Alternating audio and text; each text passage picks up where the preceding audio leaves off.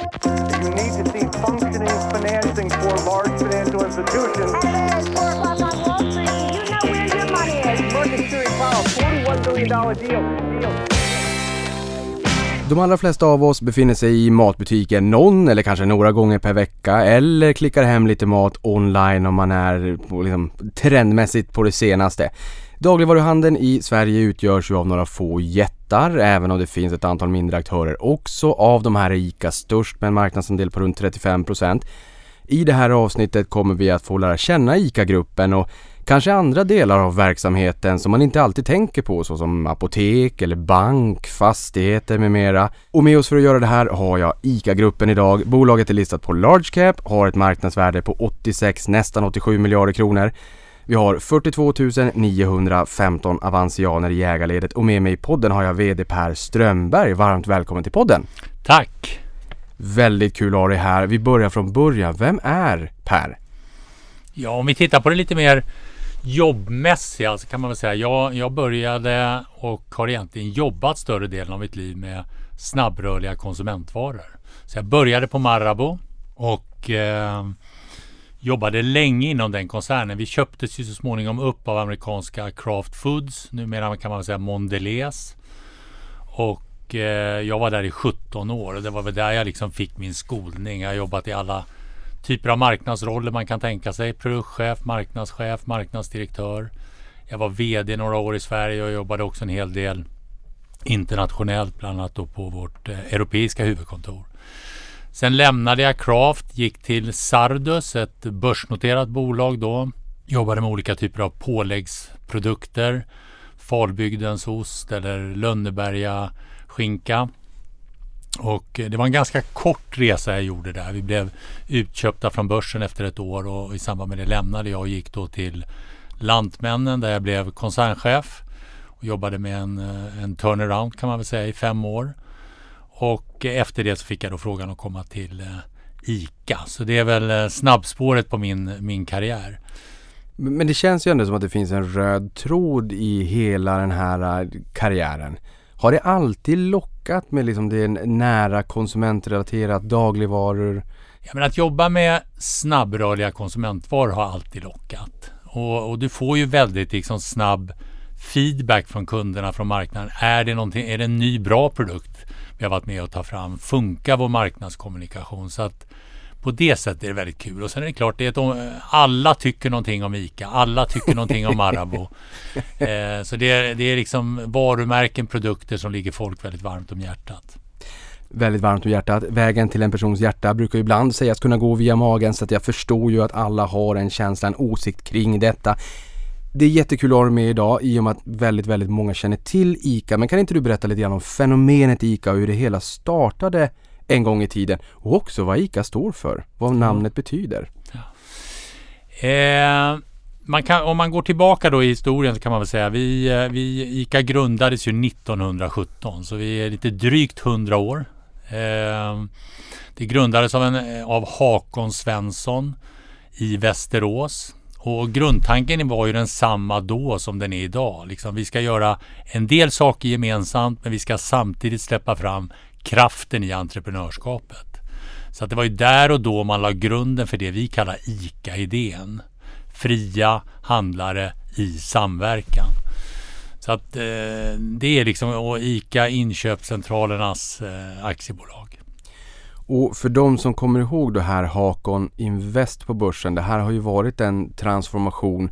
Vad skiljer dagens ICA i förhållande till Hakon Invest om vi backar bak ett årtionde? Ja, jag kom ju själv in 2012 och då, var ju, då hade ju Hakon Invest eh, verkat ett antal år. Och, det, eh, och det, det, man kan säga skillnaden mot ICA-gruppen, vi har ju jobbat väldigt hårt för att renodla den här verksamheten. Så det vi vill ha det är ju dagligvaruhandel. Det är ju liksom kärnan förstås med ICA och även Rimi i Baltikum.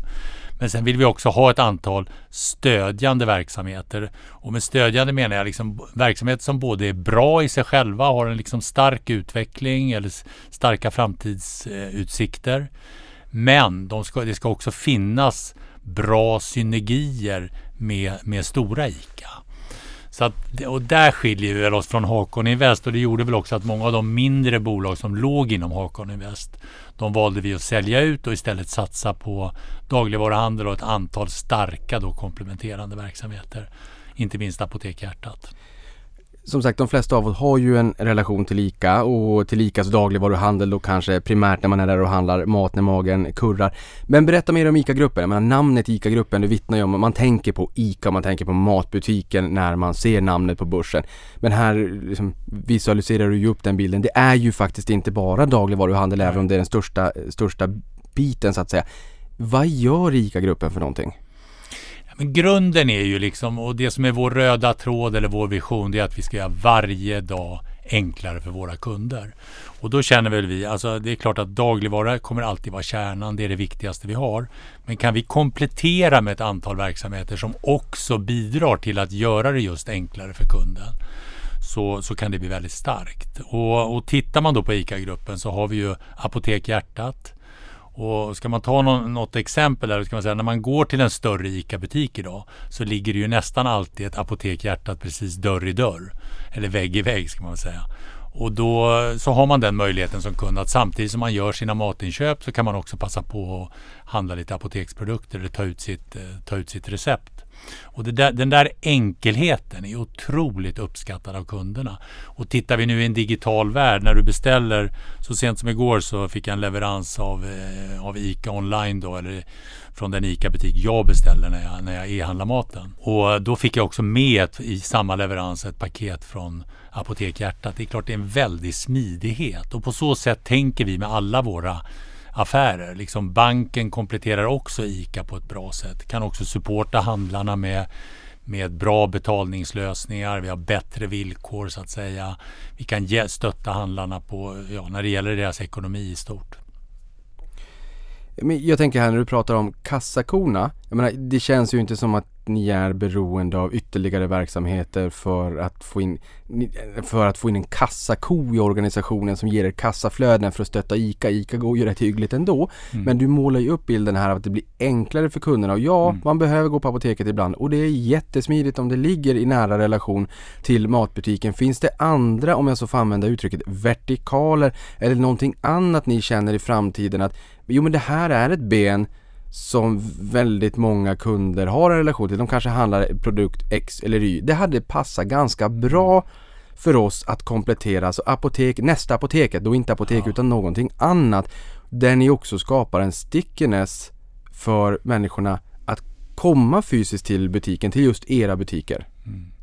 Nej men vi tror ju absolut att om man tittar liksom framåt. Att det kan, att det kan tillkomma ytterligare liksom verksamheter som stöttar upp och stärker också vår kärnverksamhet. Men, men exakt vad det blir, det får vi liksom komma tillbaka till när vi i sådana fall gör ett större förvärv. Men skulle ni kunna teama upp det med någon annan? För jag menar det är klart att menar, eh, här har vi ju Apoteket Hjärtat, det är ju ert. Mm. Det var diskussion tidigare här om åren om ett samarbete med Starbucks och en del Starbucks butiker i nära anslutning till mm. ICA-butiker. Eh, är det är det otänkbart att man liksom teamar ihop med någon extern part för att tillsammans också ytterligare förstärka den här stickenessen? Nej, men jag tror det du är inne på är liksom viktigt. Det, är inte, det behöver inte alltid handla om förvärv. Nej. Utan, och inte minst i en värld som nu förändras så snabbt så är det otroligt viktigt också att jobba med liksom långsiktiga partnerskap. Och det där gör vi ju inte minst inom ramen för vårt lojalitetsprogram. Och det kan handla om så enkla saker som att är du en ICA-kund och är med i vårt lojalitetsprogram då Stammis så får du också möjlighet att handla el billigare. Alltså det kan vara, man kan se det här väldigt brett så att du ska kunna få många kundfördelar om du är en del av vårt ICA-system. Sen har vi ju valt att själv ha bank, försäkring, apoteksverksamhet då. Vi är också ganska stora på specialvaror, alltså det du kan handla i en stor ICA-butik vid sidan av maten som husgeråd eller böcker eller ja, trädgårdsprodukter och så vidare. Ja, ja, min respektive hon blir ju lite tokig på mig för jag tycker det är väldigt trevligt att gå i butiker. Speciellt om det är mycket andra saker också. Man kan gå runt och titta och på varumärken och hur de positionerar sig. Och det var liksom en, en premiumtrend för ett antal år sedan. Att alla matvaror, oavsett om det var risifrutti, om det var juicen eller smöret och då skulle det vara extra, det skulle vara premium och sådär. Och det är bara kul att se de där trenderna. Någonting annat som vi säkert kommer komma in på under, under det här avsnittet som jag tycker är roligt. Det är butikspsykologi. Det är kanske är hemligt. Vi får se om du kan svara på det eller inte, ni tänker. Men er, upp, eh, er verksamhet är ju uppdelad i fem olika segment. ICA Sverige, Rimi Baltic, Apotek Hjärtat, ICA Fastigheter och ICA Banken. Berätta mer om de här. Ja, men om vi börjar då med, med eh, stora ICA, ICA Sverige. Det är ju liksom, eh, det är ju den största delen av ICA-gruppen. Det är ungefär 70 procent av vår, vår omsättning och något liknande när det gäller vår, vår eh, lönsamhet. Det är här vi jobbar tillsammans med ICA-handlarna för att skapa liksom Sveriges i särklass starkaste dagligvarukedja och hela tiden utveckla den. Sen har vi Apotek Hjärtat. Det är ju, där är vi ledande idag. Den största apotekskedjan i eh, Sverige. Vi har ju enorm tillväxt nu också i den digitala kanalen. Men vi har runt 400 apotek i Sverige. Alltså Apotek Hjärtat. Vi har fastighetsbenet, ICA Fastigheter. Där är ju grundtanken att eh, vi ska säkra liksom de bästa lägena för framtiden.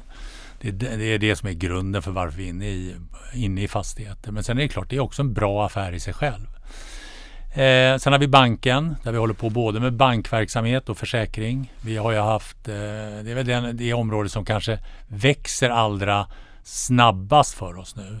Vi har nästan, eller vi har en miljon bank, bank och försäkringskunder idag. Så det är en stor verksamhet och många spännande projekt som vi håller på med där. Vi gjorde ett förvärv alldeles nyss av Forex kundportföljer. Vi håller på att titta på ett, eh, ett eh, bolåneben så att vi ska kunna vara starka och prisledande där. Eh, och sen har vi också då Rimi Baltic som är ja, där vi är stora på dagligvarusidan i Baltikum. Totalt sett är vi nummer två nu i Baltikum och det är en verksamhet som har funnits i drygt 20 år. Vi har haft en fantastisk utveckling. Det är väl det, det område där vi har högst lönsamhet idag eh, okay. och också väldigt bra tillväxt. Intressant. Här kommer min fråga sen. Vilken verksamhet som är störst, växer snabbast kontra lönsammast. Störst är ICA Sverige då. Sen tog Rimi nummer två och nummer tre här. Både, både växer snabbast och är lönsammast. Rimi fanns ju också i Sverige när jag var liten. Ja. Så det här varumärket kommer jag ju ihåg från ungdomens dagar.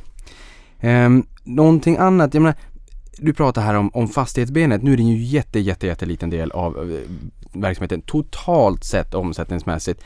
Men när du är in på de här strategiska frågorna eh, är, är liksom det viktiga om det växer fram ett nytt bostadsområde, då vill man ha en, en butik någorlunda nära, att ni får de absolut bästa lägena eller nya stadsdelar växer fram, att där är ni aktiva snarare än att köpa på er alla möjliga fastigheter för att sedan hyra ut dem till handlarna.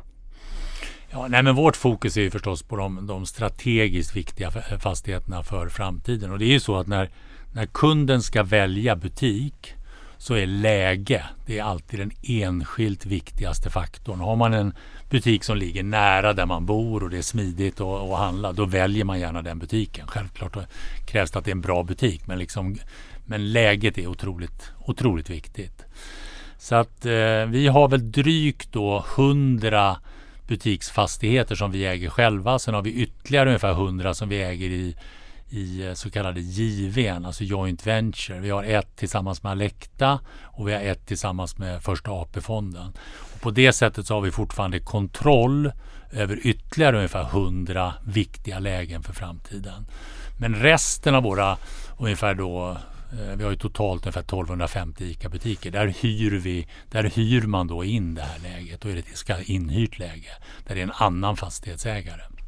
Ja, för där, här i podden för en tid sedan så hade jag med Cibus. De äger ju dagligvarulådor så att säga och hyr ut till en del ICA-handlare och, och, här när, eh, när han var med i podden så sa jag det också, men lägena här, tänk dig så fort du kommer in i en stad så ser du en butik ganska snabbt. Jag tänkte ju på det direkt när man kommer in från 97an Luleå in i Boden. Ser man ICA Kvantum, Willys har öppnat på andra sidan men ICA Kvantum har alltid funnits där. Ja. vad blir de här liksom, eh, vad är ett typ viktigt läge? Ja, men det finns många olika eh, lägen som kan vara bra. Det, det, är klart att det var länge precis det du beskrev här. Liksom att man, man valde ett läge som, som fortfarande ligger nära stadskärnan men som är smidigt utifrån trafik, åka trafiksynpunkt. Och åka och storhandla till. Så det är fortfarande stort. och till, eh, länge var, Man pratade ju länge, liksom, inte minst internationellt, om att kom, hur kommer det gå för de här stormarknaderna? Det vi har sett i Sverige är att de fortfarande är väldigt omtyckta av kunderna. Och, det, och till skillnad från i många andra länder så ligger de också mycket närmare stadskärnorna. Man behöver inte åka flera mil som det kan vara i USA för att komma till en stormarknad utan det är smidigt precis i anslutning till där man bor egentligen. Va? Men sen är det klart att det vi, det vi ser idag är ju att när, när kunderna också e-handlar mer så är det många som tycker det och, och då, att då kompletteringshandla i en mindre butik som ligger nära där man bor är förstås också väldigt uppskattat och smidigt. Så det går inte att, säga, det går inte att peka på en typ av lägen för framtiden utan man måste ha olika typer av lägen beroende på hur kunden väljer att leva sitt liv. Ja, och det här är en intressant fråga. Vi kommer att komma in lite mer på det här under eh, butiksformat också. Men jag tänker på Maxi-butikerna som är ett format. Hur, hur viktigt har det varit att liksom, fylla upp dagligvaror, liksom, eh, livsmedel med annat? Det, det går ju att köpa kläder och det är husgeråd och det är liksom grejer till trädgården och det är böcker och det är spel och det är allt möjligt. Och det, det, det blir ju lite trevligt att gå runt där och titta och sen så blir det ju någonting, kanske något porslin eller vad det än kan tänkas vara.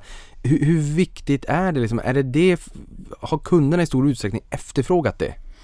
Ja, alltså Maxi-konceptet har ju varit en enorm framgång för ICA. Liksom det här började ju någonstans i början på 90-talet började man jobba med det här och sen har vi ju idag nästan 90, om vi ligger på 88 eller 89 maxenheter. Så det har ju blivit en enorm framgång och det kunderna uppskattar det är ju precis det du är inne på. Man kan hitta allting under ett tak till väldigt attraktiva priser. Så den, den kombinationen är ju fortfarande den älskar kunderna. Vad finns det för synergier mellan de här segmenten då? Jag menar ICA Sverige och, och, att man kan vara med och stötta upp på fastighetsbenet förstår jag ju. Och ICA-banken, ni har fem miljoner stammisar och man kanske har er som bank och sådär också. Så att jag förstår att det finns en logik, de kopplar ju an i varandra. Men vad ser du för synergier mellan de här eh, segmenten i ICA-gruppen?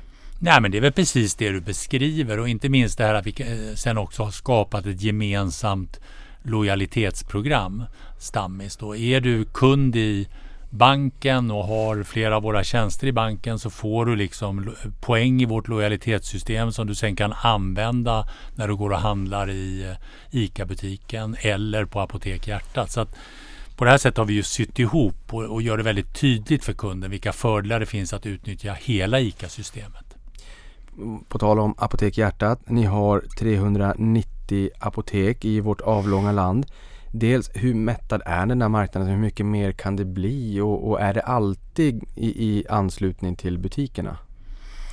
Ja, vi har ungefär, 20, ungefär 25 procent av våra apotek, eller knappt eh, runt 100 av våra apotek, ligger i direkt anslutning till en ICA-butik. Ofta är det ju en större ICA-butik. Och det kan vi väl se att om tittar man de sista åren så är det just de apoteken som växer allra starkast. Sen har vi också många apotek som ligger antingen i shoppingcentra eller i bostadsområden eller i anslutning till sjukhus eller vårdcentraler. Så att vi, vi jobbar liksom med många, många olika inriktningar. Där. Det är inte bara så att vi... Men man kan väl säga att det vi satsat på de senaste åren det är framförallt de här apoteken eller på nya apotek som ligger i anslutning till ICA-butiker just för att vi har en väldigt stark utveckling där. Jag tror att den här marknaden, det, det, var ju så att när den här marknaden avreglerades 2009 så har det ju sedan dess skett en enorm ökning av antalet apotek. Vi pratar någonstans 40-50 procent i ökningar. Och jag tror att marknaden är ganska mättad nu när det gäller fysiska apotek. Vi kommer fortsätta att sätta nya apotek, men vi kommer också eh, liksom som en del av, av, den strukturomvandling som sker att lägga ner. Så att jag tror att vi kommer ligga nära en, noll i, i liksom netto nya apotek. För det är så att e-handeln växer ju väldigt, eh, väldigt starkt och även nu efter att pandemin har börjat nu klinga av så ser vi en tillväxt runt 20 procent. och vi tror att e-handeln kommer att fortsätta utvecklas starkt på det här området. Och det är klart att väljer folk att handla där då kommer det vara lite mindre i de fysiska apoteken. På tal om att finnas eh, även på sjukhus, det får mig osökt in på tanken att det finns ju en del eh, nya gryende trender när det kommer till alternativa typer av, av matbutiker. Jag har sett små små stugor, typ som attefallshus där man eh, trycker in livsmedel, dagligvaror som flest människor på en liten ort kanske behöver och sen är den obemannad. Mm. Är det här någon trend som du tror ICA skulle kunna tänkas haka på i framtiden för, för väldigt, väldigt små orter eller kommer vi alltid att se liksom destinationen en ICA-butik även om det så är en nära? Nej, men vi, jag tror att den här trenden med obemannade butiker, inte minst på, på landsbygden, kommer vara liksom viktigt. Och vi har, eh, om det är två eller nu snart tre en, obemannade enheter som vi testar och då testar mm. vi lite olika spår. Mm. Eh, vi, om, vi, om, du tittar på landsbygden så har vi sett där är det många butiker. Där finns ju då ofta en ICA nära butik. Vi, vi finns ju i 285 av Sveriges 290 kommuner. Så vi är ju i princip överallt. Men många av de här butikerna har ju lite begränsade öppettider då på landet. Och då, då har man sett att det är ju otroligt uppskattat av kunderna att om vi kan hålla den här butiken öppet via en obemannad lösning där man liksom går in via sin mobil och kan sen skanna med mobilen i butiken och så vidare och sen checkar ut eh, utan att det behöver finnas någon person på plats så, så kan vi kanske hålla den där butiken öppet dygnet runt. Och vi ser när vi har testat det här på några orter att det här är otroligt uppskattat av kunderna. Alltså en butik som kanske tidigare då stängde klockan sju på kvällen. Den kan nu vara öppen hela dygnet men inte, inte med personal på plats. Men med den här obemannade lösningen. Så att vi har ett enormt, vi har, vi har nu liksom testat och vi har lösningen på plats. Och det kan också vara separata containerlösningar och sånt där som du, som jag tror det är lite mer du beskrev. Men, så vi har väl ett 70-tal butiker idag som är intresserade av att göra, bara nu är intresserade av att göra den här typen av obemannade lösningar. Jaha, så, så inte bara på någon liten mindre ort där, där man kanske saknar en ICA-butik, jag menar 285 och 290, det är inte så många som saknar en ICA-butik. Men, men, men, menar du att man alltså kan ställa den här i anslutning till butiken så att när den stänger 21, 22 ja. eller 23 så har man en liten glugg som är öppet dygnet runt? Ja, det kan både vara på det sättet eller så är det den vanliga butiken som man håller öppen men, men där man då har skapat en lösning så att kunden kan gå in via en app i sin mobiltelefon och också skanna varorna och betala med varorna på det sättet. Men det här är ju jätteintressant. Ja. Alltså, var, är det här liksom i startgroparna eller liksom i, i, i idéstadie, labbstadie eller kan det här bli en verklighet eh, kommande år? Ja, nej men det är nu under, det är nu liksom, vi påbörjar nu med kraft utrullningen. Som jag sa, vi har väl 70 butiker som har anmält sitt intresse och mm. vill göra det här på ett eller annat sätt. Om det blir en separat lösning eller om det blir att vi rullar ut det i en befint, redan befintlig ICA-butik men där vi då kan förlänga öppettider på det här sättet. Det kommer vara lite olika typer av lösningar men det är eh, jag tror det, det är som alltid, det det kan man göra någonting som förenklar och förbättrar för kunden så, kommer det, så, kommer, så är det bra. Och det här är ett bra exempel på det. När vi är inne på det här spåret så måste jag bara fråga, finns det någonting annat i utvecklingslabbet som bubblar som du kan prata om här? Nej men det pub vi, har, vi satte ju för vad är det, 2017 drog vi igång någonting som vi kallar ICA X, en innovationshubb. Just det. Och de, de har ju bland annat jobbat med eh, den här, att hitta den här lösningen för, för den obemannade butiken. De kommer också hjälpa till med den här utrullningen vi håller på med nu. Men det är de som har utvecklat digitala kvitton. Det är de som har tittat på eh, automatiska skåplösningar vid våra butiker. De, har hjäl- de håller på i, i samarbete med, andra, med en annan aktör, en extern då, en partner kan man säga. Eh, hur ICA-butikerna kan minska sitt svinn i butikerna, matsvinn. Det är ju liksom en viktig hållbarhetsfråga. Eh, så att de är väldigt viktiga för oss när det gäller liksom att driva innovation. Men, Inte minst då på det digitala området. Men det där är spännande och det, det, har väl förmodligen fler än jag insett där när man är och handlar på sin butik och man har kopplat korten så får man Så får man sitt kvitto i, eller i mitt fall i alla fall så får jag det på Kivra. Det kanske finns flera olika alternativ. Det här ICA X, hur många människor är det där? Det, det känns ju som att de är framåtlutade. De, uppenbarligen så har de ju kommit med mycket av de framåtlutande nyheterna, förbättringarna då. Eh, hur, hur många människor är det här mellan tummen och pekfingret? Alltså är det en hyfsat stor del startup inom ICA som är liksom full fokus, full fart framåt eller är det någonting som är under uppstart? Nej men man kan säga det, det, har, det har väl liksom nu eh, det är väl liksom en mer etablerad grupp. Vi har väl ett tiotal personer som liksom jobbar fast i den här konstellationen. Men sen knyter vi ju hela tiden till oss olika partners. Ska vi driva ett projekt där så tar vi gärna in liksom någon extern part som vi jobbar med för att, eh, och, och där vi har liksom experter inom det område som vi som vi vill lyfta. Liksom. Mm. Så att, eh, ICA Fastigheter är ju ett av Nordens största fastighetsbolag. Det kanske man inte alltid tänker på men intäktsmässigt står ju segmentet för omkring 2% av intäkterna. Det var det vi var in på lite här nyss då. Ehm, vi har också förstått att ni äger då inte samtliga butiker utan det är ett, ett hundratal totalt ni äger och då förfogar över. Men ta Sibu som exempel. När Sverker var här så, så berättade han att det var en hel del lika butiker.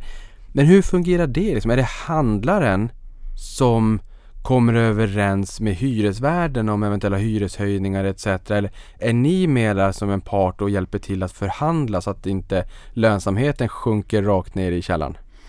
Ja, eh, och det där kan man ju välja lite grann som ICA-handlare. Men de flesta ICA-handlare de väljer att ha ett, ett eh, man kan säga, få, en, få en service då från ICA Fastigheter där man bland annat då hjälper till med om det är så att eh, ens hyresavtal löper ut att förhandla fram den nya hyran. Så den typen av liksom tjänster, service till ICA-handlarna erbjuder ju också eh, ICA Fastigheter.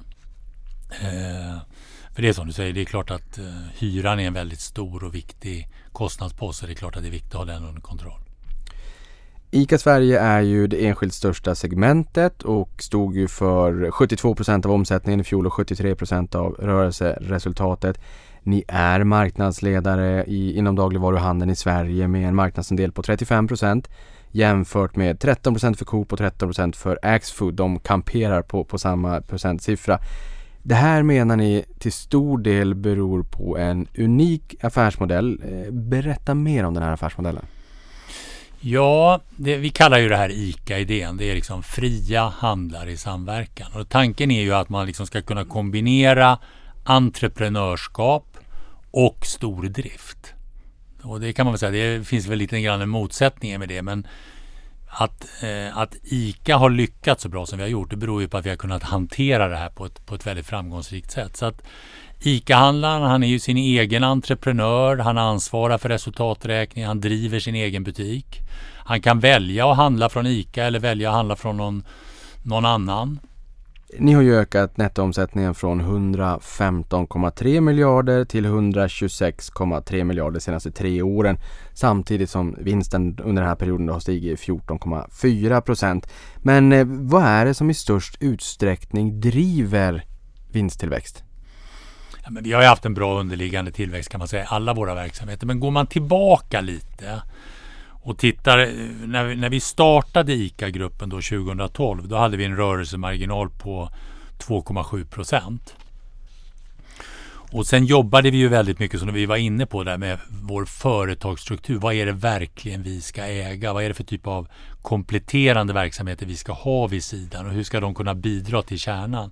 Så det gjorde, vi, gjorde ju också att vi valde att sälja många verksamheter och många av dem hade eh, ganska låg lönsamhet. Vi valde också att lämna den norska marknaden. Så att vi har ju sålt verksamheter som Servera eller Kjell Company eller eh, på förlagsverksamhet och så vidare. Och så har vi stärkt upp oss med en del verksamheter som vi tror på och som också har visat sig ha en stark utveckling som Apotek Hjärtat eller eh, Min Doktor. Och som vi menar liksom kompletterar. Och den här den här, de här strukturförändringarna det har varit en väldigt viktig del i att också höja lönsamheten för ICA-gruppen. Så låg vi på 2,7 procent 2012 så ligger vi idag runt 4,6 procent. Så det är nästan en dubblering kan man säga av lönsamheten. Och man kan väl förenklat säga att ungefär hälften av det här kommer av de här strukturaffärerna vi har genomfört. Lämnat en olönsam marknad som Norge, gått in i Apotek Hjärtat som har en bra lönsamhet.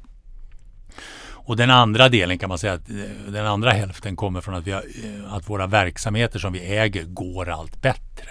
Så att den underliggande utvecklingen är stark. ICA Sverige har förbättrat sitt resultat, Rimi Baltic har förbättrat sitt resultat och så vidare. Så att det är liksom, man kan säga att det är de två huvudkomponenterna. Strukturaffärerna och en underliggande bra utveckling egentligen i alla våra affärer. Mm.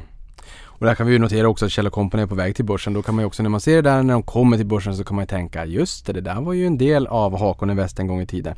Och det kan man väl säga, det var ju en av de mer lönsamma bolagen som, som eh, vi hade inom ICA-gruppen. Men där vi inte kände att det stöttade kärnverksamheten på det sätt som vi kräver i, i vår affärsmodell.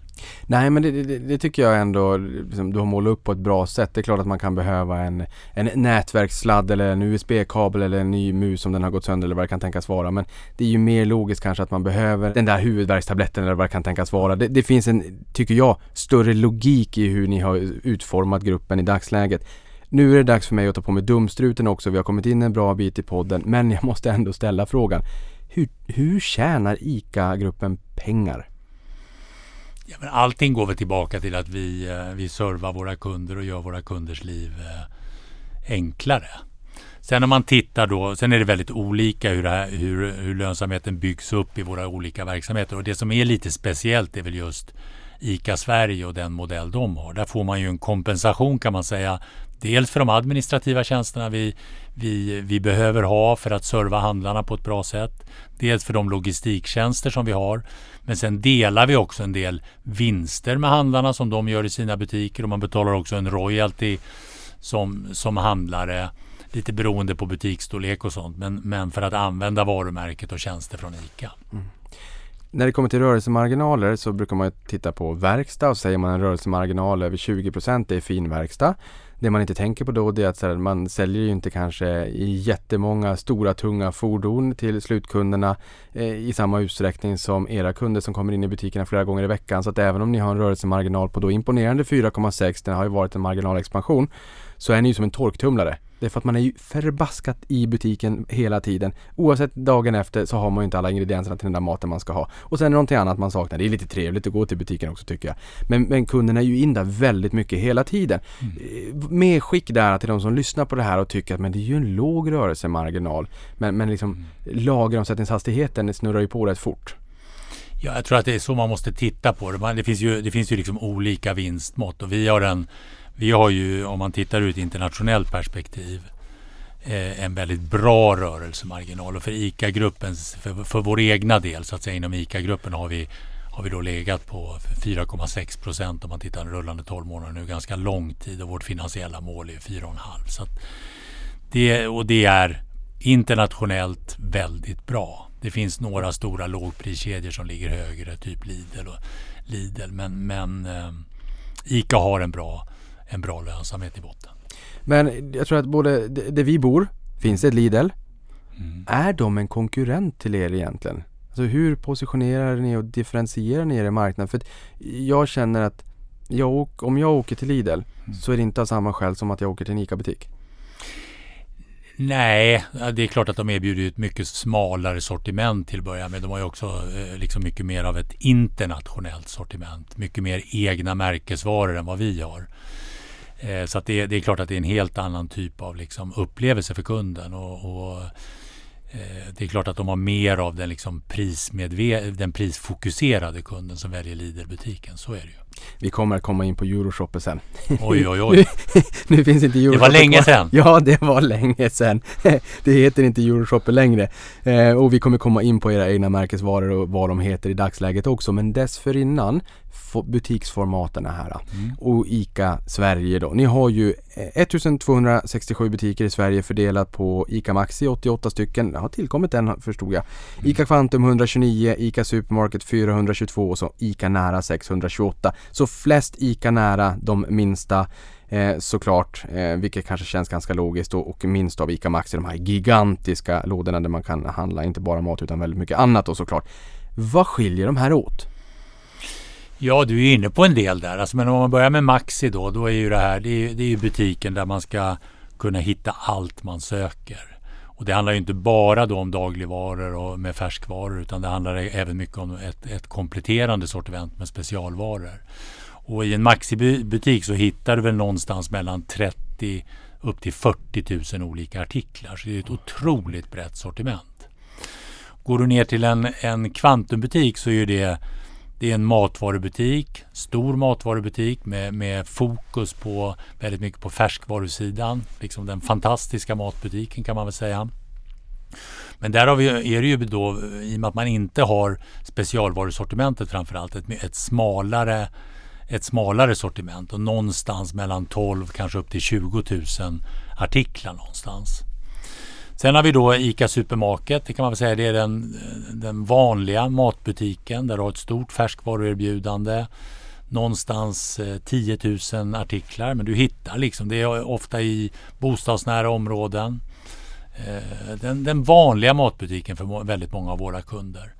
Och sen har du ICA Nära eh, som är den kan ju se ganska olika ut om vi pratar en nära butik i liksom Stockholms innerstad eller om vi hittar den i en mindre ort ute på, på landsbygden. Men någonstans mellan 4 och 8 000 artiklar och, och självklart skiljer liksom sortime- sortimentet sig ganska mycket åt från storstadsbutiken till landsortsbutiken där du egentligen vill ha en butik då där du hittar det mesta som kund. För ofta är, det kan ju vara den enda butiken på orten många gånger.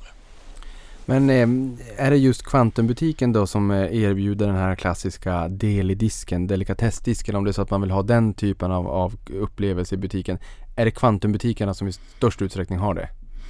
Nej, men jag skulle säga att det är alltså en, en eh, delikatessdisk eh, där du kan handla manuellt, alltså kött, fisk och, och vad det nu kan vara. Det hittar du egentligen i alla butikskoncept. Okej. Sen, eh, så att eh, det finns, eh, finns i många nära butiker precis som det finns i, väl, i nästan alla Maxi-butiker. Så att det finns i hela spektrat av våra butiker. Ja, i och för sig. Nu tänker jag faktiskt på en nära butik där jag inser att det, det finns ju faktiskt en liten del i disk där. Ja, det är bra. Intressant att, att, att, att lära sig mer. Vi pratade här nyss också om eh, ICA Fastigheter och de här viktiga strategiska lägena som ni kan tänkas köpa på er. Vad är det som gör att ni väljer att etablera er någonstans? Nej, men vi har ju vad, man vad vi kallar då en butiksnätsplanering där vi tittar liksom på, på Sverige och säger att här skulle vi gärna vilja ha, ha en butik. Och då gör ju vi såklart en bedömning. Finns det tillräckligt kundunderlag? Hur mycket kommer den här butiken konkurrera med andra ICA-butiker så att vi liksom har ett nätverk som är kompletterar varandra i så stor utsträckning som möjligt. Så det hanterar vi ju från ICA Sveriges sida. Säger här tycker vi det vore idealt att lägga en butik. Och det där är ju förstås också någonting som utvecklas hela tiden för det byggs nya eh, bostadsområden och vissa städer växer, andra minskar och så vidare. Så vi måste ju hela tiden följa med i utvecklingen. Vi pratade här om eran eh, affärsmodell och där ni äger rätten till butiksläge och varumärken. Men det handlaren själv faktiskt äger sin butik och driver den här butiken själv. Eh, finns det några eh, eh, egenägda butiker i ICA-gruppen eller är alla handlarägda? Ja, för det första kan man säga då att om man, om man klarar av det, apoteken och i Rimi Baltic, där äger vi även butikerna och Okej. driftar, driftar butikerna själva. Hun, Rimi Baltic när man är i Baltikum, 100% det är ni som driver det? Ja, så är det. Okej. Mm. Och på samma sätt då på, på apotekssidan. Tittar man däremot då ICA Sverige så är ju näst, där är ju vår ambition att alla butiker ska vara handlarägda. Sen kan man säga ICA-modellen funkar ju på det sättet att när vi sätter en ny butik och eh, för att vi ska kunna liksom verkligen välja den bästa handlaren och driva den här butiken så finansierar vi den här butiken från start. Och sen när handlaren har drivit upp den här till lönsamhet och kan betala tillbaka den initiala investeringen, då tar handlaren över. Så någonstans 50, 60, 70 butiker är ICA Sveriges ägo men är så att säga på väg ut i hand, att bli handlarägda butiker. Men de är i en uppstartsfas. Just det här med hur, hur mm, att driva en egen regi Det föranleder mig lite grann att bli nyfiken på hur man blir butikschef, butiksägare För det här tror jag är, speciellt på små orter men säkert även större, ett toppjobb Någonting som många drömmer om att bli egen butiksägare hur går det till? Hur ser den resan ut? Ja, den kan ju se väldigt olika ut skulle jag säga. Men det är klart, tittar man så är det ju många har ju börjat sin karriär liksom tidigt inom, eh, tidigt inom ICA. Man har börjat att jobba i butiken, kanske i kassan eller ute på butiksgolvet. Man har fått större och större ansvar, kanske ansvarat för frukt och grönt eller någon annan avdelning. Och sen så får, måste man då för att bli ICA-handlare följa ett antal, in, genomgå ett antal internutbildningar. Det är ju självklart ett sätt för oss att säkerställa att liksom folk har den rätta kompetensen och kan, kommer kunna serva kunderna på ett, på ett bra sätt. Så det går, har man genomgått de utbildningarna, har man en stor erfarenhet och är man lyck, en, en duktig person så kan man då så småningom få möjlighet att bli eh, handlare. Och ofta börjar man ju då i en lite mindre butik, en ICA Nära-butik. Och sen är det en del som väljer eller vill gå vidare och successivt ta, ta större butiker. Så det är inte så den här eh, egna handlaren då Eh, kan genomföra ett, eh, ett generationsskifte eller sälja butiken till någon annan som per automatik blir butikschef för den här ICA-butiken utan det vill säga att man går hela den här vägen inom organisationen. Ja, men det finns också en möjlighet att liksom föra över sin butik till sin dotter eller son och göra ett generationsskifte. Men det förutsätter ju då att den här personen som ska ta över har gått de här utbildningarna och är en person som vi tror på för framtiden. En fråga där som är intressant såklart eh, när det kommer till ICA-butiker det är ju sortimentet också hur stort inflytande ni har över sortimentet för här förstår man ju att handlarna har en, ett stort inflytande själv och det, där blir jag liksom lite nyfiken på hur positionerar och differentierar ni er gentemot Coop i den onoterade miljön eller kanske den noterade konkurrenten Axfood med, med Willys och Hemköp bland annat då. Um, hur differentierar ni er?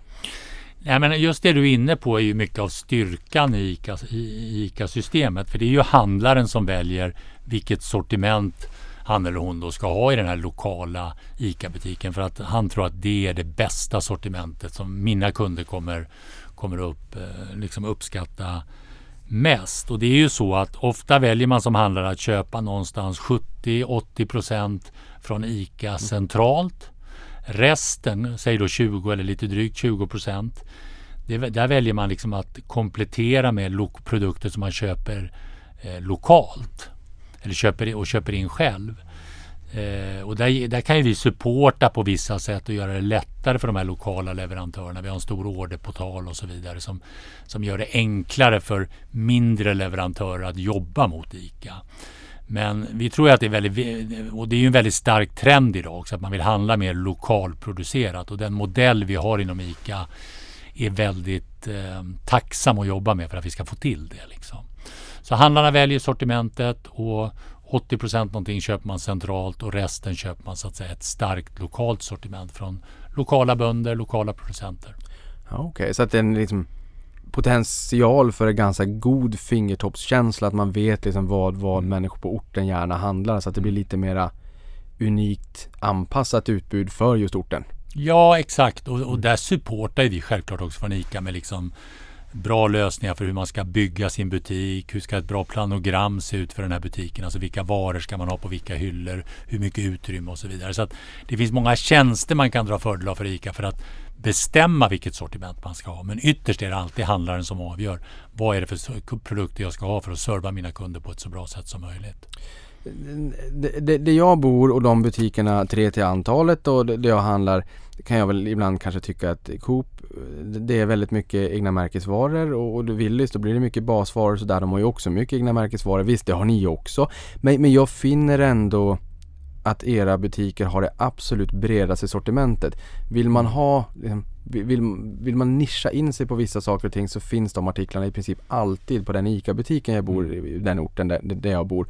Är det så generellt att ni har ett bredare sortiment än konkurrenterna eller råkar det just bara vara så i de butikerna jag handlar? Först och främst tror jag man ska säga att ICA-handlaren är ju liksom väldigt lyhörd för vad den lokala kunden vill ha. Så där ligger tror jag styrkan. Sen är generellt kan man nog säga att vi har ett lite bredare sortiment. Framförallt om du jämför då med lågpriskonkurrenter. Där ligger det lite grann inbyggt i den idén. Om du är en Lidl eller en Willys så har du generellt ett smalare sortiment. Liksom.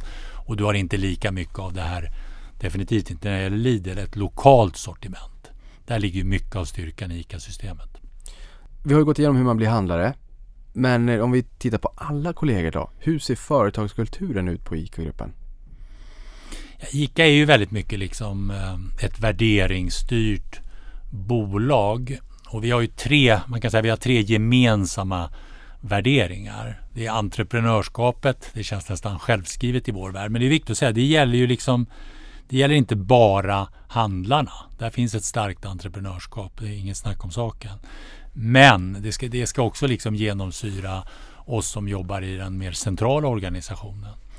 Sen tror vi mycket på enkelhet. Och det är ju liksom att göra, det ytterst handlar det om att göra enkelt för våra kunder. Vi har varit inne på några saker liksom med, när vi beskrev företagsstrukturen, göra enkelt för kunderna att handla sina apoteksvaror samtidigt som man eh, handlar på ICA-butiken. Och sen har vi engagemanget och det är inte bara liksom engagemanget för att ha en bra spirit inne på bolaget utan det handlar också om ett stort engagemang för, för det lokala, för hållbarhetsfrågor som är, och för, för folkhälsan. Så att det, det går väldigt brett skulle jag säga. Mm. Någonting jag önskar här, jag hoppas ju att det är många som jobbar på ICA eller kanske på konkurrenter som lyssnar på det här avsnittet också och inser att jag just det, dels för att man är nyfiken på att lyssna till dig och, och kring ICA-gruppen men också kanske då inser och kommer ihåg att ett sparande eh, kan vara gott, att man kommer igång med sparande och investeringar långsiktigt för att gå en bättre framtida ekonomi till mötes. Har du någon känsla för om många medarbetare på ICA äger eh, eh, ICA-aktien? Ja, eh, vi har ju, alltså totalt har ju ICA ungefär 70, drygt 70 000 aktieägare och det har ju ökat väldigt mycket sedan vi satte ICA-gruppen på, på börsen. Och det är klart att vi har många anställda. Vi har också inte minst väldigt många handlare som också är stora eh, aktieägare i, eh, i eh, ICA-gruppen. Sen ska man ju säga att den enskilt största ägaren det är ju ICA-handlarnas förbund som har drygt 50 procent av eh, aktierna i ICA. Eh, hur stor är den totala adresserbara marknaden i Sverige och hur, hur mycket kan ni växa egentligen med tanke på att ni faktiskt redan är marknadsledare med 35 procent i ICA Sverige idag, av den svenska dagligvarumarknaden? Ja, men den totala marknaden, det är väl någon, man brukar väl säga dagligvaror någonstans är väl 300 miljarder någonstans där. Jag hoppas jag säger rätt siffra nu, den, den tänker jag inte på varje dag. Men, men man kan väl säga så här, liksom vårt vi, vi har ju som en av våra finansiella mål att vi ska liksom stärka vår position i marknaden varje år. Så att även om vi har en stark marknadsposition idag så tror vi att för alla våra retailverksamheter så går den att utveckla ytterligare. Och inte minst i ett landskap som nu liksom förändras i så hög takt. Liksom med mer digitalisering. Vi har ju sett under lång tid att liksom Eh, restaurangsektorn eh, har växt. Nu har det ju varit jobbigt förstås under pandemin men tittar man i ett längre perspektiv så har ju den växt väldigt starkt och många vill ha eh, färdigmatslösningar som förenklar där hemma. Så att titta, det är ju ett, det är ett väldigt spännande konkurrenslandskap och vi vill verkligen vara med liksom på, många ICA-butiker är ju enormt duktiga på färdigmatslösningar för att ta ett exempel. Och vi är den absolut största aktören idag när det gäller att e-handla på, på, på matsidan. Så att vi tror att det finns goda tillväxtmöjligheter också framåt om vi gör rätt saker för kunderna. Många tillväxtmöjligheter framåt och där finns det ju många nya idéer, kanske inte minst med ICA-X som kan tänkas komma och det vi har varit in på här tidigare. Någonting annat som växer kraftigt är ju mat på nätet. E-handla mat helt, helt, helt enkelt. Hur stor del av omsättningen är just e-handel och hur mycket växer den? Så tittar man just nu så står e-handeln för ungefär lite drygt 5% av vår försäljning på matsidan. Så alltså, det är fortfarande en ganska låg siffra om man jämför med många liksom andra varuområden. Sen ska man väl säga att den fick ju en enorm skjuts under pandemin. Vi hade en tillväxt om man tittar på 2020 på nästan 120 procent, jag tror 117 exakt marknaden växte någonstans runt 90. Så vi, vi, eh, vi slog ju marknaden med liksom bred marginal. Och det där är också ett kul exempel på liksom hur snabba ICA-handlarna är att skala upp. När vi, snabb, när vi såg att när pandemin slog till så var det ju många kunder som kände jag, vill, jag vågar inte eller vill inte gå till den fysiska butiken utan jag vill e-handla istället. Vi var otroligt snabba att ställa om så att om man tittar på kvartal två förra året, kvartal tre hade vi ju enorma tillväxttal och växte 30 eller 40 procentenheter snabbare än vad marknaden gjorde just för att ICA-handlarna skalade upp så, så snabbt. Det vi ser nu när det gäller e-handeln är ju klart att när när liksom pandemin ändå börjar klinga av, folk känner sig mer trygga med att liksom gå till den fysiska butiken igen, så ser vi att just om vi tittar på julisiffrorna så såg vi att e-handeln var typ plus minus noll. Och det blir väldigt spännande att följa här under hösten. Vilka tillväxttal kommer vi se? Det vi, det vi ser är ju att många av de äldre kunderna eh, de väljer att komma tillbaka till den, den fysiska butiken. För det är, det är, inte bara ett sätt att handla utan det är också ett sätt att liksom umgås och träffas. Och, som du beskrev lite grann när du berättade när du är i butik. Liksom man vill känna på produkterna, man vill se när man gör sitt val. Och det är klart, där erbjuder ju den fysiska butiken något annat än vad e-handeln erbjuder. Mm.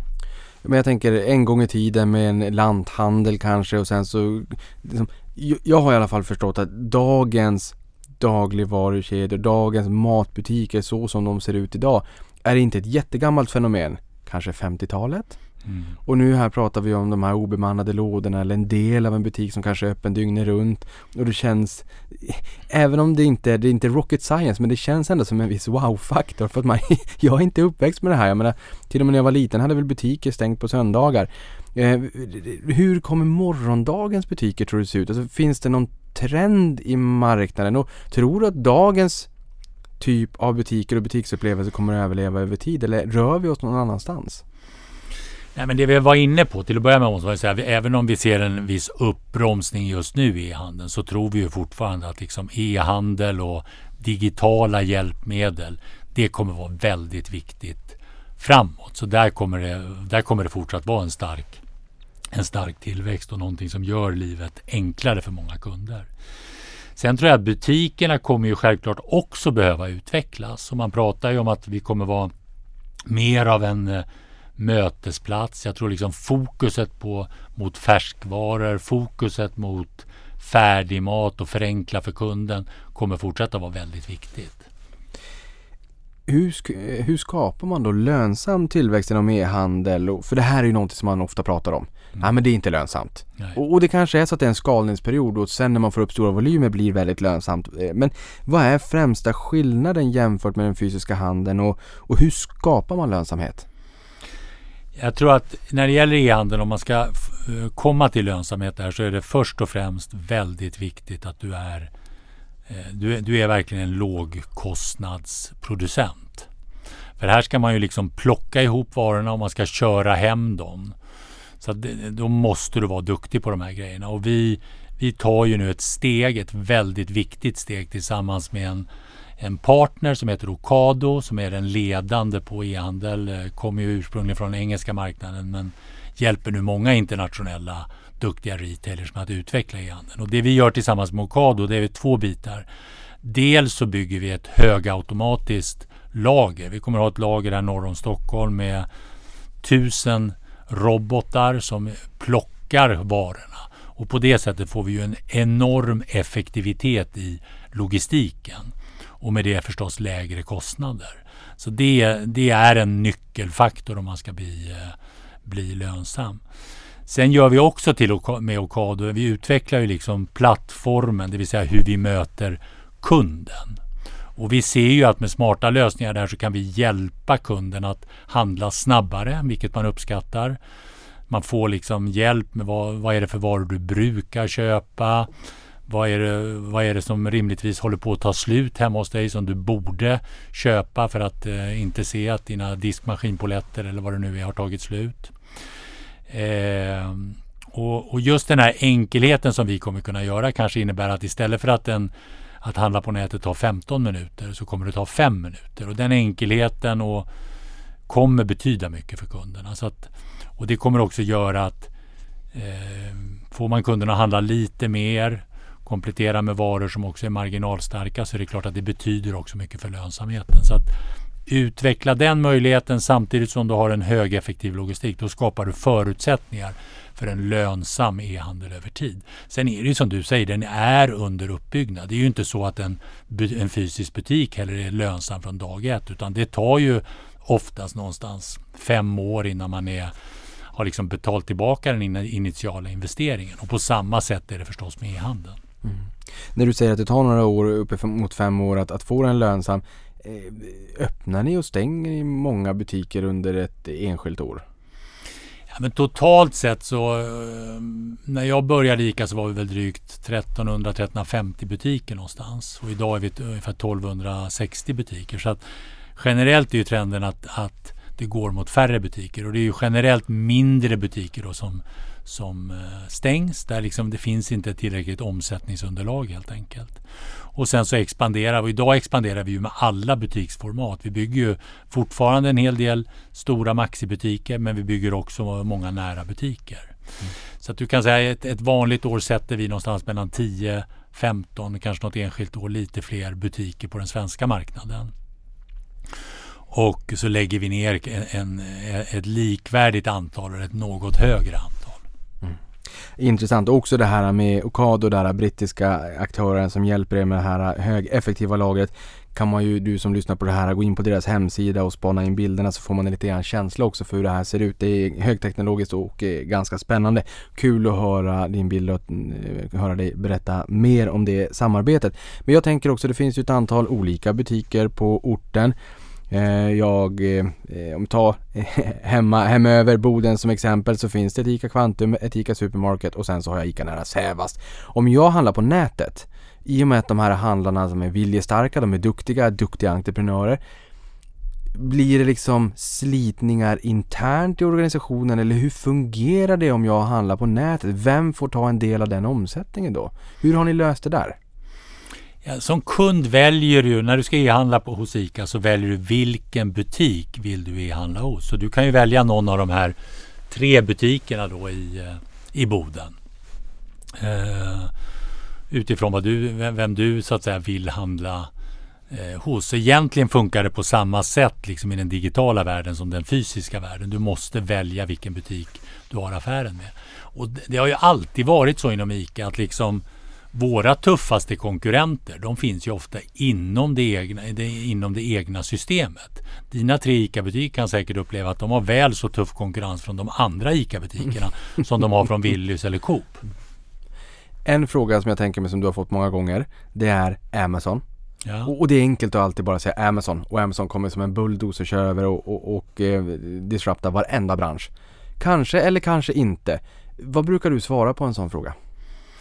Nej men som vi var inne på förut, det, det, är liksom, det händer ju väldigt mycket i vårt konkurrenslandskap och det kommer in många nya aktörer, inte minst då liksom med den, med den digitala vinkeln. Sen om det är en Fodora eller om det är en Amazon eller om det är någon annan. Man kan väl säga vi har inte märkt av, får vi väl säga, Amazon så mycket. Nu har de ju valt att inte gå in på, på dagligvarusidan utan de har fokuserat på, på specialvarusidan.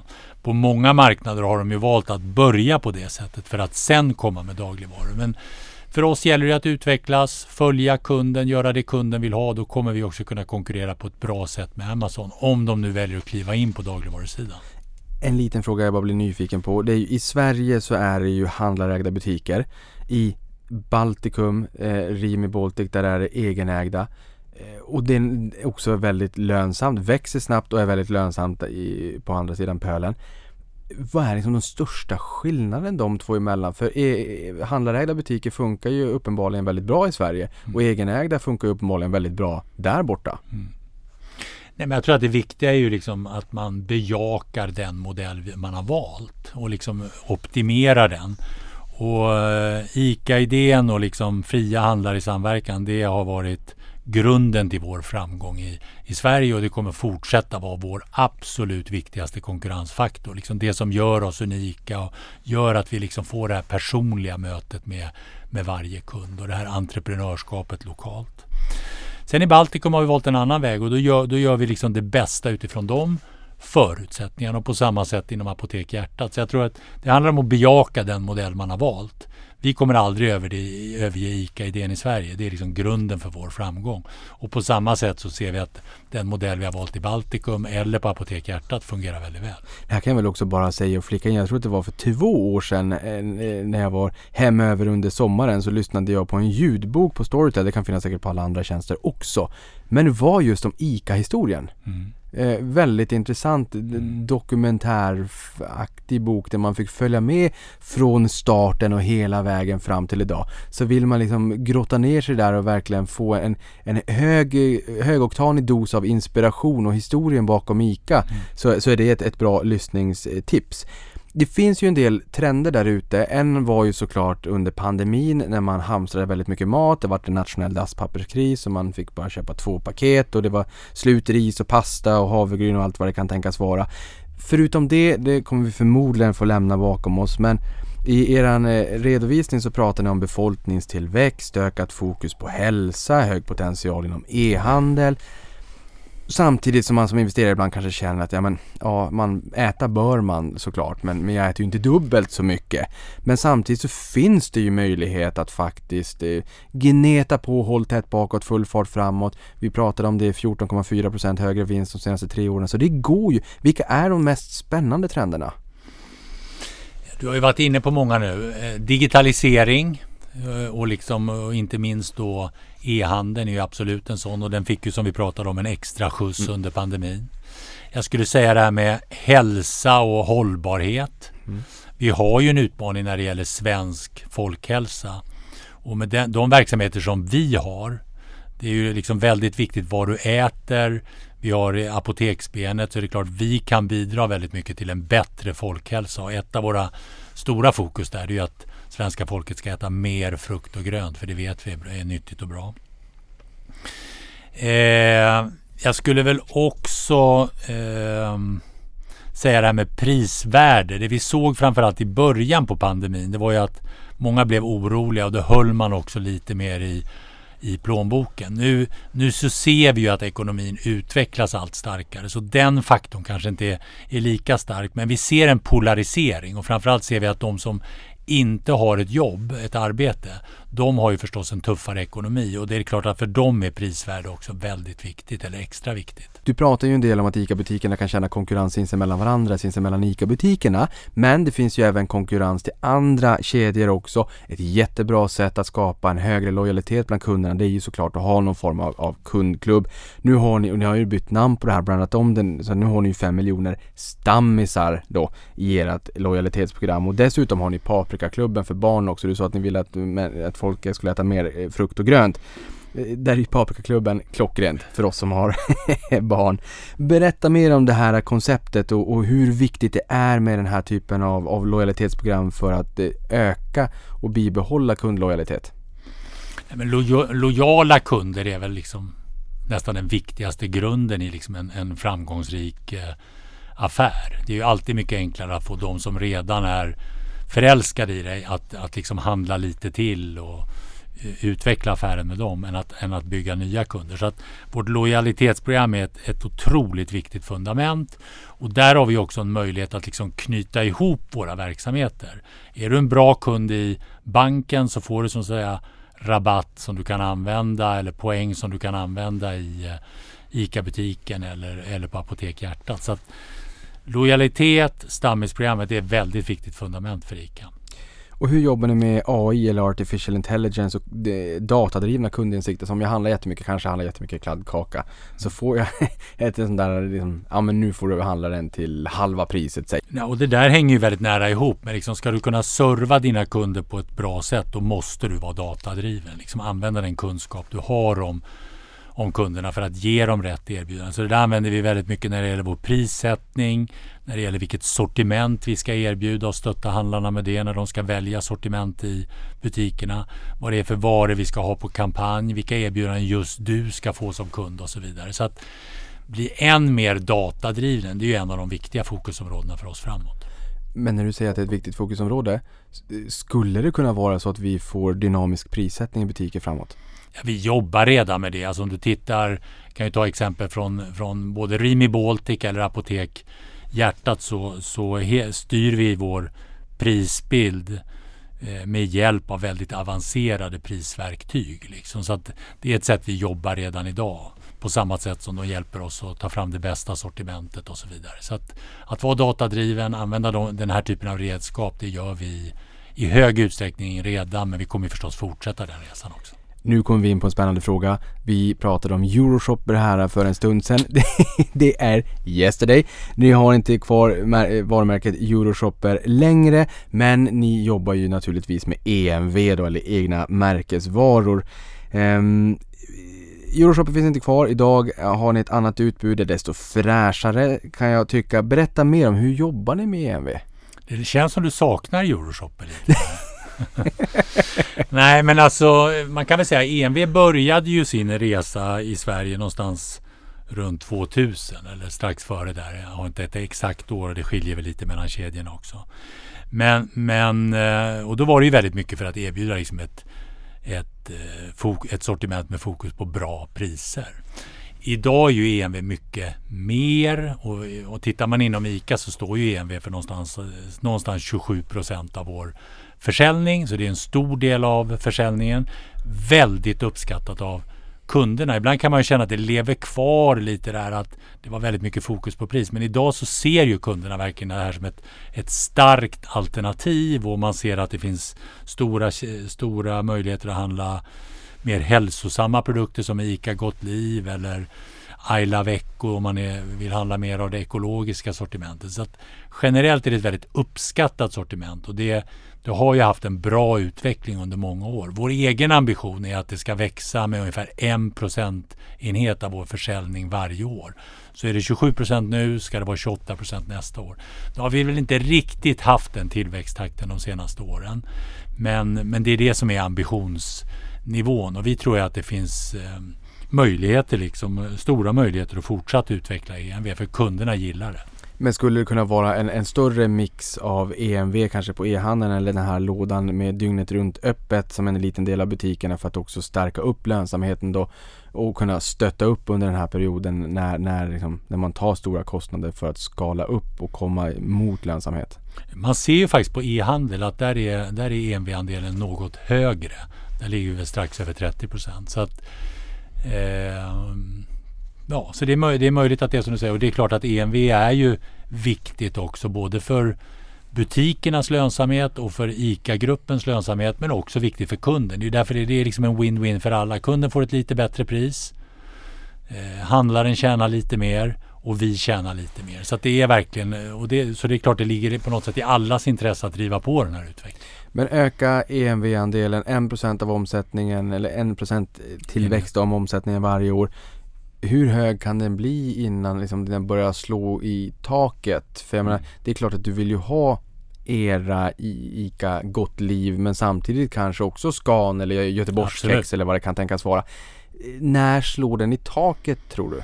Vi kommer ju låta kunderna avgöra mm. det och liksom just nu känner vi att uh, man, är, man, är väldigt, man tycker om EMV och man vill, man vill köpa mer. Så det finns en möjlighet att, att växa det här. Sen om taket ligger en bit över 30 procent. Men vi sätter liksom ingen exakt siffra på det. Utan vi tror, mer, vi tror mer på det här att jobba efter ett tillväxtmål. Så länge som vi ser att kunderna efterfrågar det här i, i större utsträckning. En liten sån där trendspaning som jag tycker är lite intressant det är en eh, statistik från Eurostat. Den här är från 2018 och Svensk dagligvaruhandel tillsammans som säger att eh, vi spenderar relativt lite på livsmedel vi svenskar gentemot andra länder. Vi har ju varit in och pratat lite grann mm. Sverige kontra andra länder tidigare under avsnittet. De säger omkring någonstans 12-13% av disponibel inkomst. Det var en graf och jag fick väl okulärt besikta, det var 12-13% mm. någonstans. Eh, spenderar vi mer eller mindre? Alltså går trenden mot att vi spenderar större del av inkomsten eller att vi spenderar mindre del av inkomsten? Alltså tittar man över lång tid så är det klart att andelen som man lägger på dagligvaror den har ju gått ner. Och nu ligger det någonstans som du säger 12-13 eh, procent. Nu är den ju mycket nu är den väl relativt stabil. Men vi har ju förflyttat och man lägger mer på sin liksom fritid, resor och så vidare. Inte just nu under pandemin mm. då, men, men, men, om man tittar under, under lång tid. Det är ju ganska spännande att jämföra med vad vi ser i Baltikum. Det, där är det klart att folks eh, disponibla inkomst är mycket lägre och beroende på land i Baltikum så lägger man där någonstans mellan 20 och 30 procent av sin disponibla inkomst på mat. Så det hänger ju väldigt mycket ihop med liksom hur välmående är det här landet? Hur högt BNP har man per capita? Så att liksom, eh, jag skulle säga att den svenska siffran är ganska naturlig utifrån liksom hur rikt vi är som land totalt sett. Ni har ju ganska nyligen lanserat ICA Växa för att öka utbudet av hållbar, svenskproducerad och växtbaserad mat. Mm. Växtbaserad, här är också lite grann av en, mm. en, en, en stark, trend. Berätta. Nej men det är precis som du är inne på, växtbaserat, det finns ju ett, ett stort ökat eh, intresse. Det är väl ungefär halva befolkningen nu som väljer att äta vegetariskt minst en gång i veckan, ofta då flera gånger. Så att det finns en väldigt stark trend. Det vi ser är ju att det finns för lite svenska produkter att erbjuda. Många vill, som vill handla vegetariskt, det är klart att de vill inte bara ha en vegetarisk produkt utan de vill ha en svensk vegetarisk produkt. Och då vi, eh, gör vi en storsatsning inom det här området där vi jobbar på många olika fronter. Så det är absolut mycket inom forskning och utveckling för att vi ska kunna få fram nya produkter. Men ett viktigt område är också skala upp hjälpa mindre leverantörer att liksom skala upp sin produktion. Vi hittar kanske en lokalt duktig leverantör på, på ett område. Och då tittar vi tillsammans med den här leverantören. Hur kan vi göra, skapa förutsättningar för, för dig, öka produktionen, hitta produkter som, som är, liksom speglar det som kunderna vill ha och så hjälper vi till att göra den resan då. Så leverantören gör det den här, tillsammans med ICA. Sen jobbar vi också mycket på lokalplanet tillsammans med handlaren och hjälper honom eller henne att hitta de här starka lokala leverantörerna. Så det är på många fronter men det är helt klart att växtbaserat är ett viktigt, viktigt område för kunderna framåt. Mm. Och förutom växtbaserad där, just hållbar, svenskproducerad, hur, hur eh, arbetar ni med hållbarhet? Vi har jobbat länge med hållbarhet. Jag skulle säga att vi är den ledande aktören på, på det området. Vi blev ju faktiskt så sent då som förra året så blev vi klimatneutrala för att ta ett viktigt område här. För, och inte minst klimatfrågan är ju väldigt viktig för våra kunder nu. Nu har vi ju gått över och satt en, en ny ambition att vi ska vara netto noll redan 2030. Så ett väldigt offensivt mål. Vi har också sagt att vi ska hjälpa våra kunder att halvera sitt eget kundens eget klimatfotavtryck med 50 procent också fram till 2030. Och där, där blir ju det här att äta mer växtbaserat en väldigt viktig del av det för att liksom ge ett exempel. Mer frukt och grönt och så vidare. Så att, eh, men sen är det klart, liksom, hållbarhet är ju, är ju brett. Och för oss är det också viktigt att titta på alla de saker där vi kan hjälpa till med den svenska eh, folkhälsan. Så att eh, det är också ett område vi brinner för.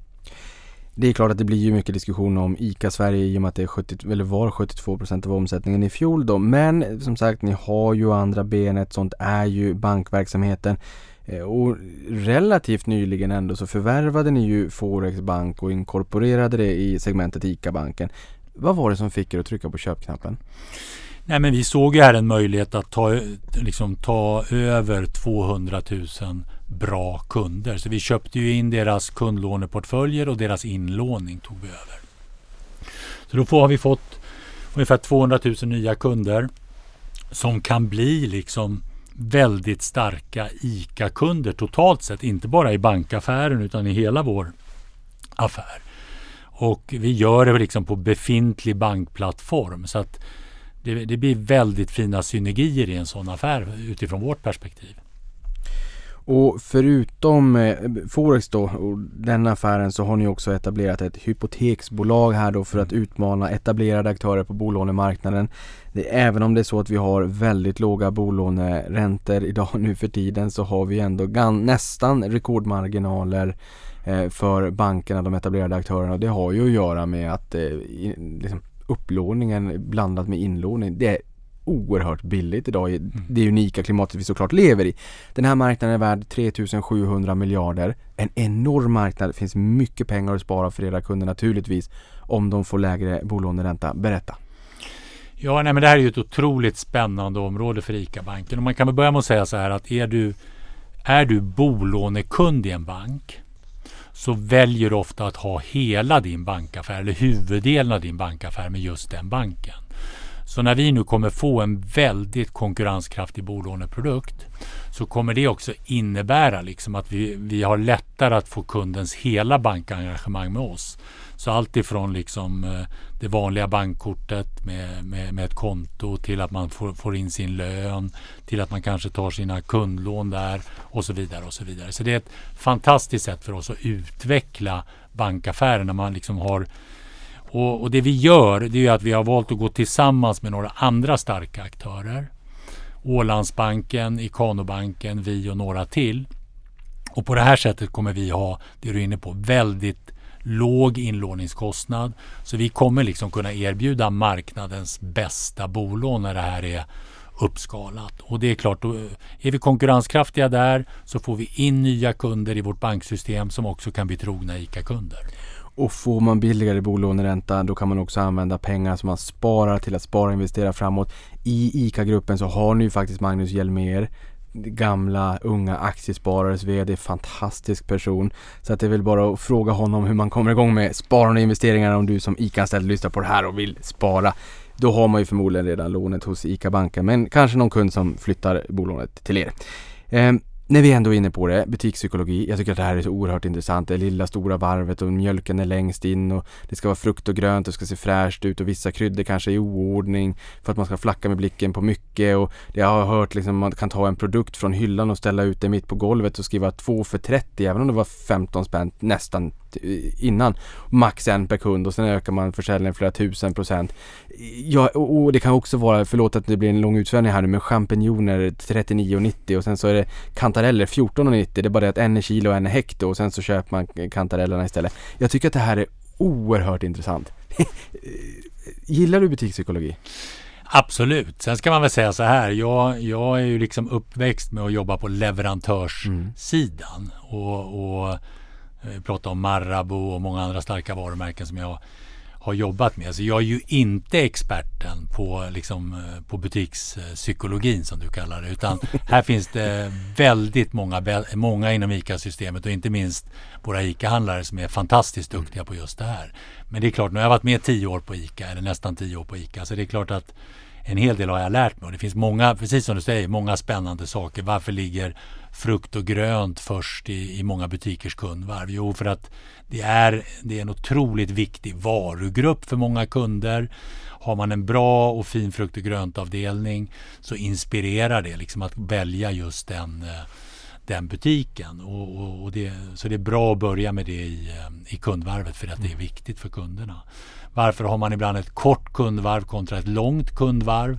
Jo, för att vissa kunder de vill bara gå in och kanske handla sina frukostprodukter. Då ska, det, ska man kunna göra det. Eller sina lunchprodukter kanske ännu mer vanligt. Och då ska det gå att göra snabbt och smidigt. Allt på temat liksom enkelhet för kunden. Och det långa lite mer när man ska veckohandla och storhandla.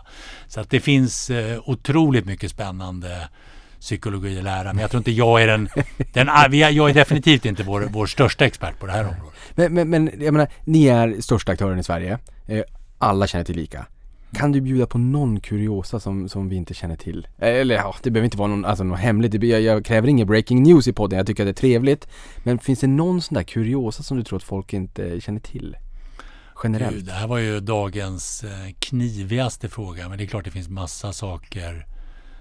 Eh, nej, men en sak tror jag ibland att liksom inte minst oss som lever i storstad, det är liksom det lokala engagemanget som många ICA-handlare har. Det är ju otroligt välkänt ute på landsbygden. Någonstans, på landsbygden kan man, i de undersökningar vi gör så kan man se att 50% vet vem som är ICA-handlare på orten. Så ser det förstås inte ut i, i storstan. Och det här lokala engagemanget som ICA-handlarna har med kanske en lokal fotbollsklubb eller det kan vara vad, vad som helst. Men det är liksom så otroligt starkt i vårt system. Och det måste jag säga, det imponerar på mig varje dag. Liksom, hur mycket man bryr sig om sitt lokalsamhälle och engagerar sig i sitt lokalsamhälle. Just det. Sen ni börsnoterades i december 2005 har ni gett en årlig genomsnittlig totalavkastning då mätt som en kagger om 16,3% Väldigt imponerande. Man brukar ju prata om att börsen ska ge 7% långsiktigt över tid när man inte vågar sticka ut hakan riktigt senaste tre åren i och med att det är inte Hakon Invest längre. Det är ett annat djur. Så senaste tre åren så uppgår den siffran till 19,3%. Det har varit goda börstider. Eh, vad har varit eh, hemligheten historiskt och vad har varit nyckeln till det här goda värdeskapandet? Nej, men jag tror som vi var inne på lite grann, det är två mynt här, det är två sidor här. Det ena är de struktur, eh, struktur, eh, den strukturomvandling vi har gjort av bolaget. Att vi har ändrat företagsstrukturen. Och eh, att vi har sålt av en del verksamheter som var mindre lönsamma och som passade sämre in i vårt system. Liksom vi fick inte ut de synergier vi ville. Och så har vi köpt in andra typer av verksamheter som också är mer lönsamma och som också passar bättre i vår struktur. Det har gett oss ungefär halva den lönsamhetsförbättring som vi ser. Och sen är det att vi underliggande haft en bra utveckling egentligen i alla våra verksamheter och kunna växa försäljning, växa, löns, växa lönsamhet. Och det är viktigt att säga, inte minst inom retail, så är det så otroligt viktigt att du har en underliggande bra försäljningsutveckling. Och om man tittar över längre tid så har ju ICA verkligen haft en stark utveckling, en stark underliggande försäljning. Och har man det så kommer lönsamheten över tid att, att följa med. Du kan inte liksom långsiktigt spara dig till en bra lönsamhet inom retail utan du måste liksom satsa och växa och vara med på de nya trenderna. Då bygger du ett framgångsrikt bolag. Mm. Hur ser era finansiella mål ut? Vi ska ju ha en rörelsemarginal på 4,5 procent. Där ligger vi nu de senaste 12 månadersperioderna. Rullande 12 har vi legat på 4,6.